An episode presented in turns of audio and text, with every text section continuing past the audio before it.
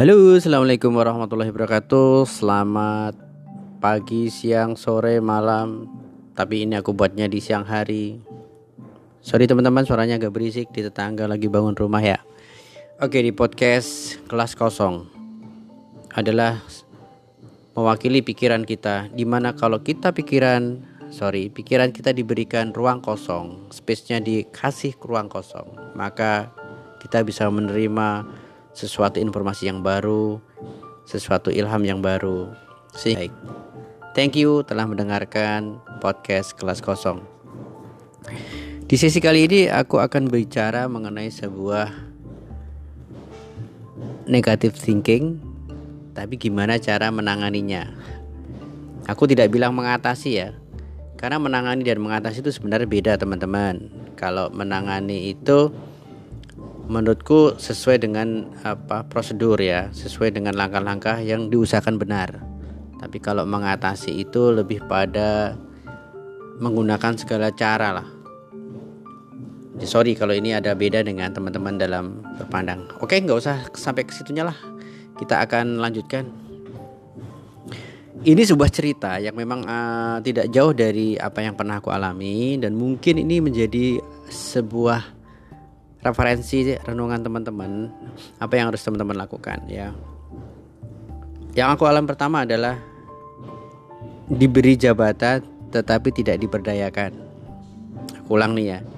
Mendapatkan sebuah jabatan tetapi tidak diberdayakan dalam arti tidak diberikan sesuai dengan uh, eh, SOP-nya jadi uh, pernah aku dulu dapat sebuah amanah menjadi ada jabatan lah di atas. Sorry ya di bawah. Uh, leader gitu. Lalu ketika aku sudah paham apa yang harus kulakukan uh, ternyata itu tidak berjalan karena memang semuanya diambil atau di di take over oleh si uh, leader gitu. Mulanya aku merasa bahwa uh, kok bisa begitu nih? Ini apa yang terjadi nih? gitu kan. Kalau merasa bahwa ini jabatan yang aku ada autoritinya kok eh, dipakai orang lain walaupun termasuk itu leader misalkan begitu ya. Nah, tapi lama-lama itu aku mulai menemukan sebuah apa ya teman-teman paham lah ya. Karena ini berjalan dengan waktu aku apa yang harus aku pelajari gitu kan. Oke. Jadi ada kemungkinan bila orang atau teman juga mendapatkan hal seperti ini atau orang di sekitar teman-teman uh, mendapatkan kejadian yang seperti aku alami ini akan mengundang berbagai respon. Dan respon itu akan diikuti oleh uh, tindakan. Pertama ada yang melakukan tindakan secara reaktif dengan komplain. Uh, itu bisa terjadi saja dan itu kalau di, di apa ya dia bukan diomongkan dengan si leader atau si kepala atau pimpinan mengenai uh, dan tanggung jawab kenapa uh, tidak diberikan secara penuh mungkin ada alasan yang yang baik lah ya.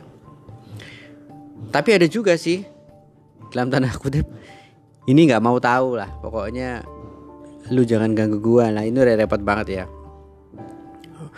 Maka sebenarnya orang komplain orang punya masalah itu kalau niatnya baik itu orang itu hanya pengen menyelesaikan atau pengen menemukan solusi. Nah ini ada beberapa solusi menurut aku sih ya versi akunya. Ya tadi pertama memang uh, sebaiknya dibicarakan baik-baik uh, kepada pimpinan atau leader karena mengenai wewenang tugasnya itu kenapa tidak diberikan atau kenapa tidak dibatasi gitu. Padahal itu sudah tertulis tanggung jawab dia gitu. Tanggung jawab si uh, misalkan tanggung jawabku gitu. Nah dari sebuah kejadian seperti itu ada hal-hal yang bisa diambil, dipetik kajiannya.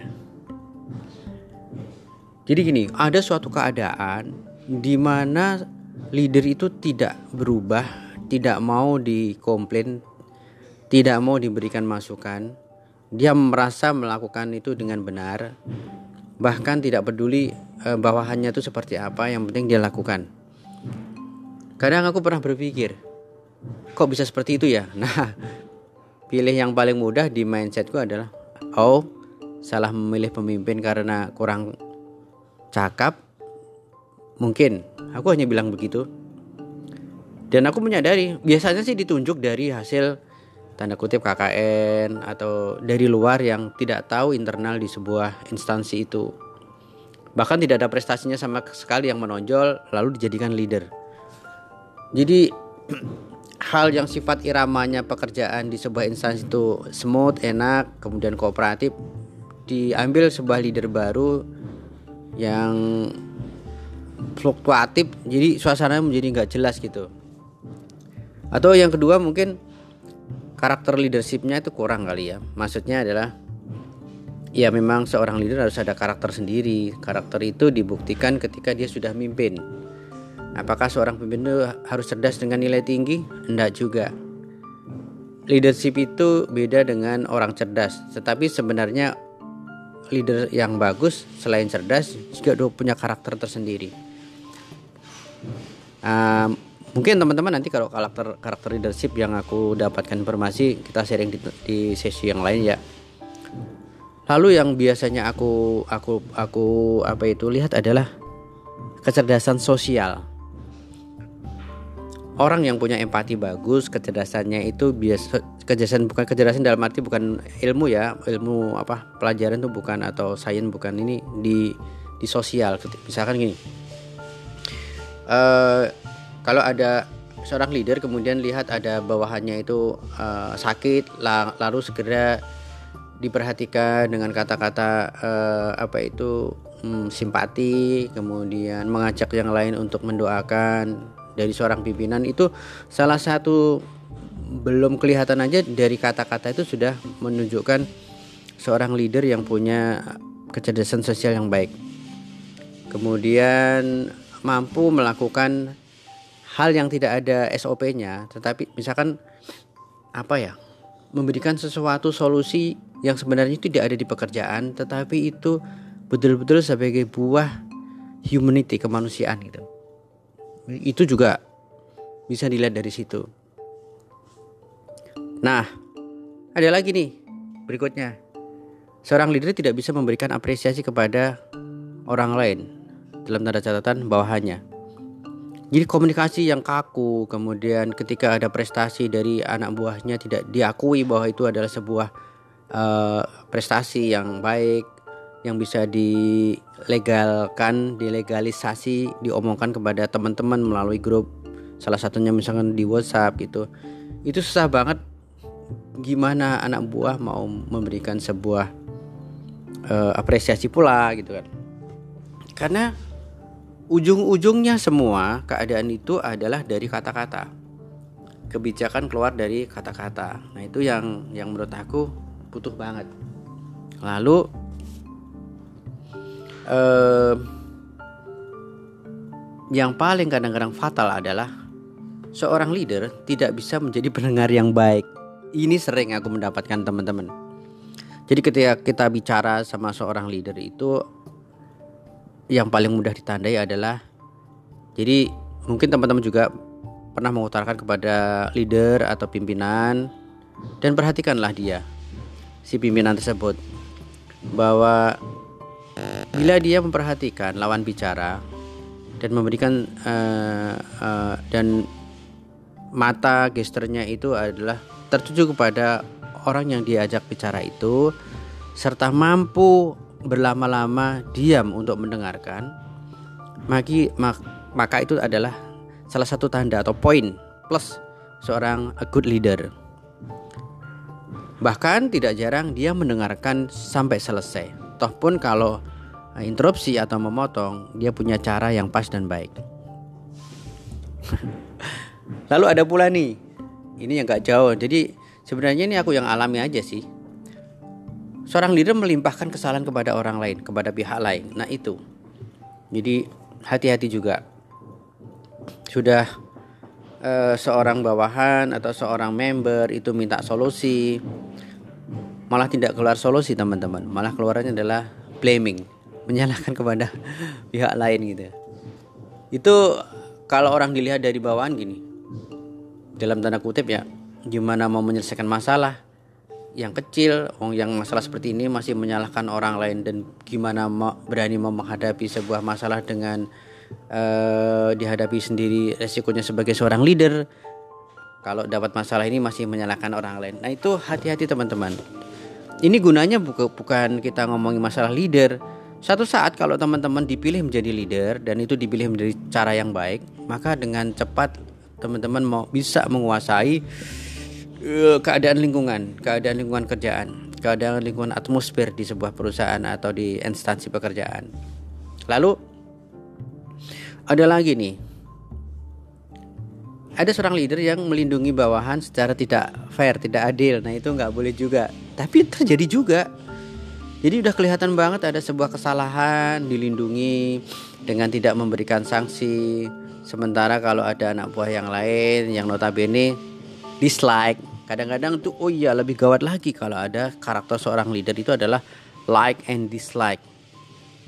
Mungkin saya pribadi iya, tapi sudah mencampur andukan di, di di dalam dunia keputusan, waduh. Tanpa melihat sebuah prestasi eh, anak buah itu juga gawat juga ya. Sebenarnya ujung-ujungnya adalah kebangkrutan uh, di kebangkrutan di di apa HRD Human Resource Development juga bangkrut dalam arti tidak membangun persepsi yang bagus bahkan heran ya eh, leader itu betul-betul apa ya sebenarnya diharapkan oleh seorang anak buah itu menjadi ujung tombak menemukan solusi, mencarikan rezeki, memberikan harapan panjang, kan seperti itu ya, teman-teman. Lalu kadang-kadang ini salah salah mungkin tapi ada juga sih. Jadi leader itu berbicara dengan bawahan secara tidak etis. Contohnya gini pernah mengalami ya. Ada dua orang yang mempunyai apa itu e, bidang yang sama. Dua orang ini salah satunya tidak disuka satunya disuka. Nah ketika ada dua orang ini sedang e, tadi yang tanda kutip tidak disuka oleh leader ya.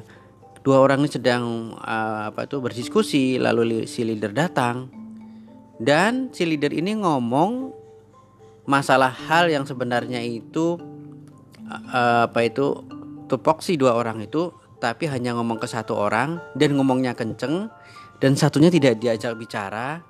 Seperti apa ya me, membuang salah satunya gitu loh membuang muka atau gimana. Nah itu menurutku tidak etis banget tidak akan menjadi seorang leader yang baik apa pun. Karena walaupun tidak suka seorang leader itu punya cara-cara sendiri yang elegan. Apakah dipanggil berdua apakah eh, dengan cara yang menurut saya tidak menyakiti atau eh, secara secara batin atau sikap kepada orang lain gitu.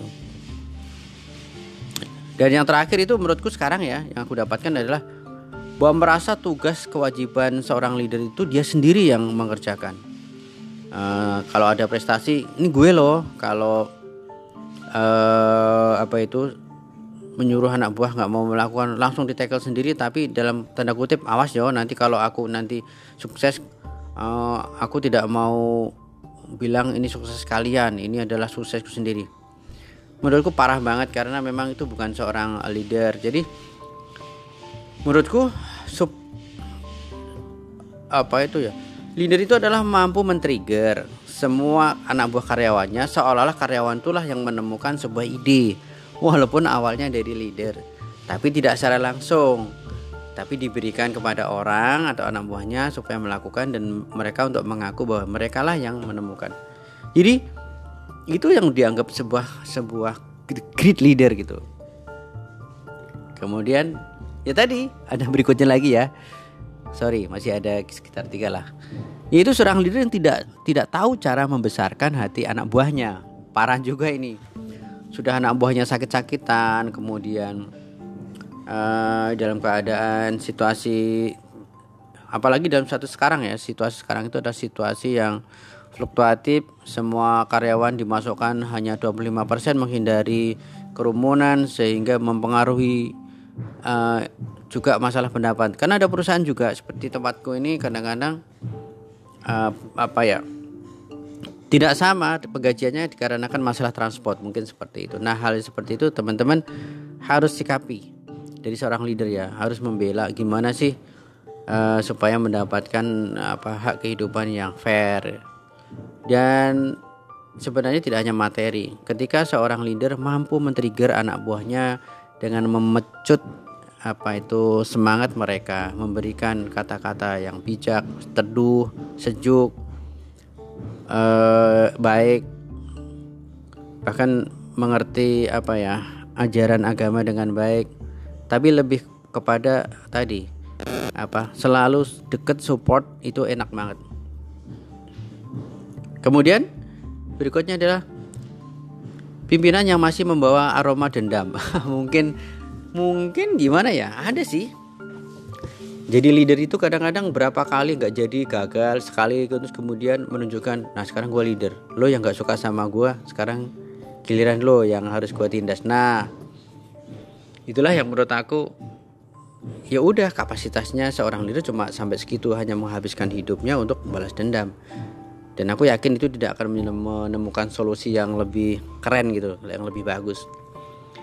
Karena balik lagi bahwa eh, kualitas seorang itu bisa dilihat ketika dia memegang sebuah tampuk jabatan.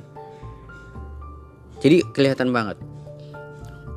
Orang dulu mungkin dipikir orangnya uh, apa itu arogan orangnya itu apa itu kaku tapi ketika jadi leader malah sebaliknya dia bisa merasakan bagaimana uh, yang dia rasakan ketika menjadi bawahan dan dia bisa mengaplikasikan menjadi sebuah uh, leader yang dimiliki oleh merasa dimiliki oleh anak buahnya. Kenapa?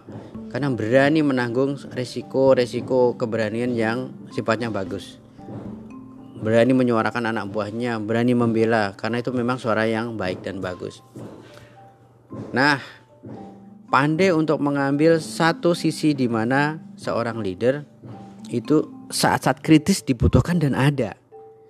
Dia tidak ada ketika anak buahnya itu sudah merasa melakukan dengan baik, tapi ketika hal-hal yang pahit dihadapi oleh sebuah instansi, leaderlah yang bisa menggerakkan dan bisa melindungi. Nah, dari teman-teman, bila semua itu tidak ada pada diri seorang leader dan teman-teman tidak betah di situ, harus ada kemungkinan. Kemungkinan adalah keluar dari tempat itu dan hijrah ke tempat lain atau quits working there lalu menjadilah pimpin menjadi pemimpin bagi diri sendiri. Kalau masih bujang iyalah karena memang uh, pahami karakter diri sendiri. Aku nggak betah untuk ikut orang lain ternyata karena memang ide yang baik ini nggak diterima ya udah keluar aja. Tapi nanti kita bahas bahas di uh, season berikutnya teman-teman. Dan itulah dari beberapa karakter yang dimiliki seorang leader yang pernah aku alami. Dan solusinya adalah kita harus semakin cerdas mensikapinya. Kalau kita masih mau kerja di situ pertama adalah pertama positive thinking, kedua perbesar mindset kita lebih baik dengan cara berkumpul dengan orang-orang yang positive thinking. Ketiga membaca. Kalau teman-teman punya waktu sebenarnya waktu itu ada sih kalau mau disempatkan untuk membaca bukan karena alasan tidak punya waktu untuk membaca itu karena masalah habit saja dan buku-buku yang sifatnya uh, motivasi seorang great leader sebenarnya teman-teman harus punya. Karena di situ uh, semakin mindset kita besar karena membaca semakin kuatlah kita di mana saja berada. Dan itu memang bukan hal yang mudah tetapi kalau kita lakukan itu menjadi hal yang membuat kita betul-betul betah karena kita sendiri mampu untuk menguasai. Mungkin di sesi berikut sebelumnya aku pernah bilang bahwa keadaan di luar sana tidak bisa dikuasai, tidak bisa dikontrol. Hal yang bisa dikontrol adalah diri kita sendiri. Oke teman-teman, makasih banget di podcast sesi kali ini. Aku udah curhat kepada kalian. Insya Allah ini menjadi sebuah trigger bagi kita bersama Aku tidak mencari negatif side-nya, tapi kalau kita bisa mengubah menjadi sebuah kekuatan positif thinkingnya, itulah yang kita harapkan. Oke teman-teman, terima kasih telah mau bersama podcast kelas kosong dan sampai ketemu di sesi berikutnya. Dadah, assalamualaikum.